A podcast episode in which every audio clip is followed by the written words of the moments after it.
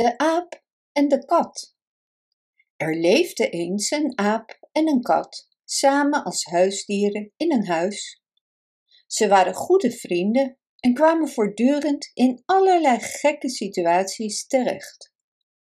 Waar ze meer dan aan iets anders aan leken te denken, was iets te eten te krijgen.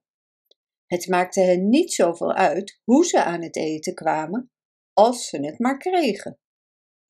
Op een dag zaten ze bij het vuur en keken naar een paar kastanjes die in de haard werden geroosterd. Nu was het nog de vraag hoe ze aan de kastanjes konden komen.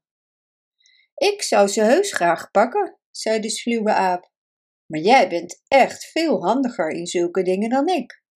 Als jij ze uit het vuur haalt, zal ik ze onder ons verdelen. De kat strekte haar poot heel voorzichtig uit duwde wat sintels opzij en trok toen haar poot weer heel snel terug. Daarna probeerde ze het nog een keer. Deze keer trok ze een kastanjehelft uit het vuur.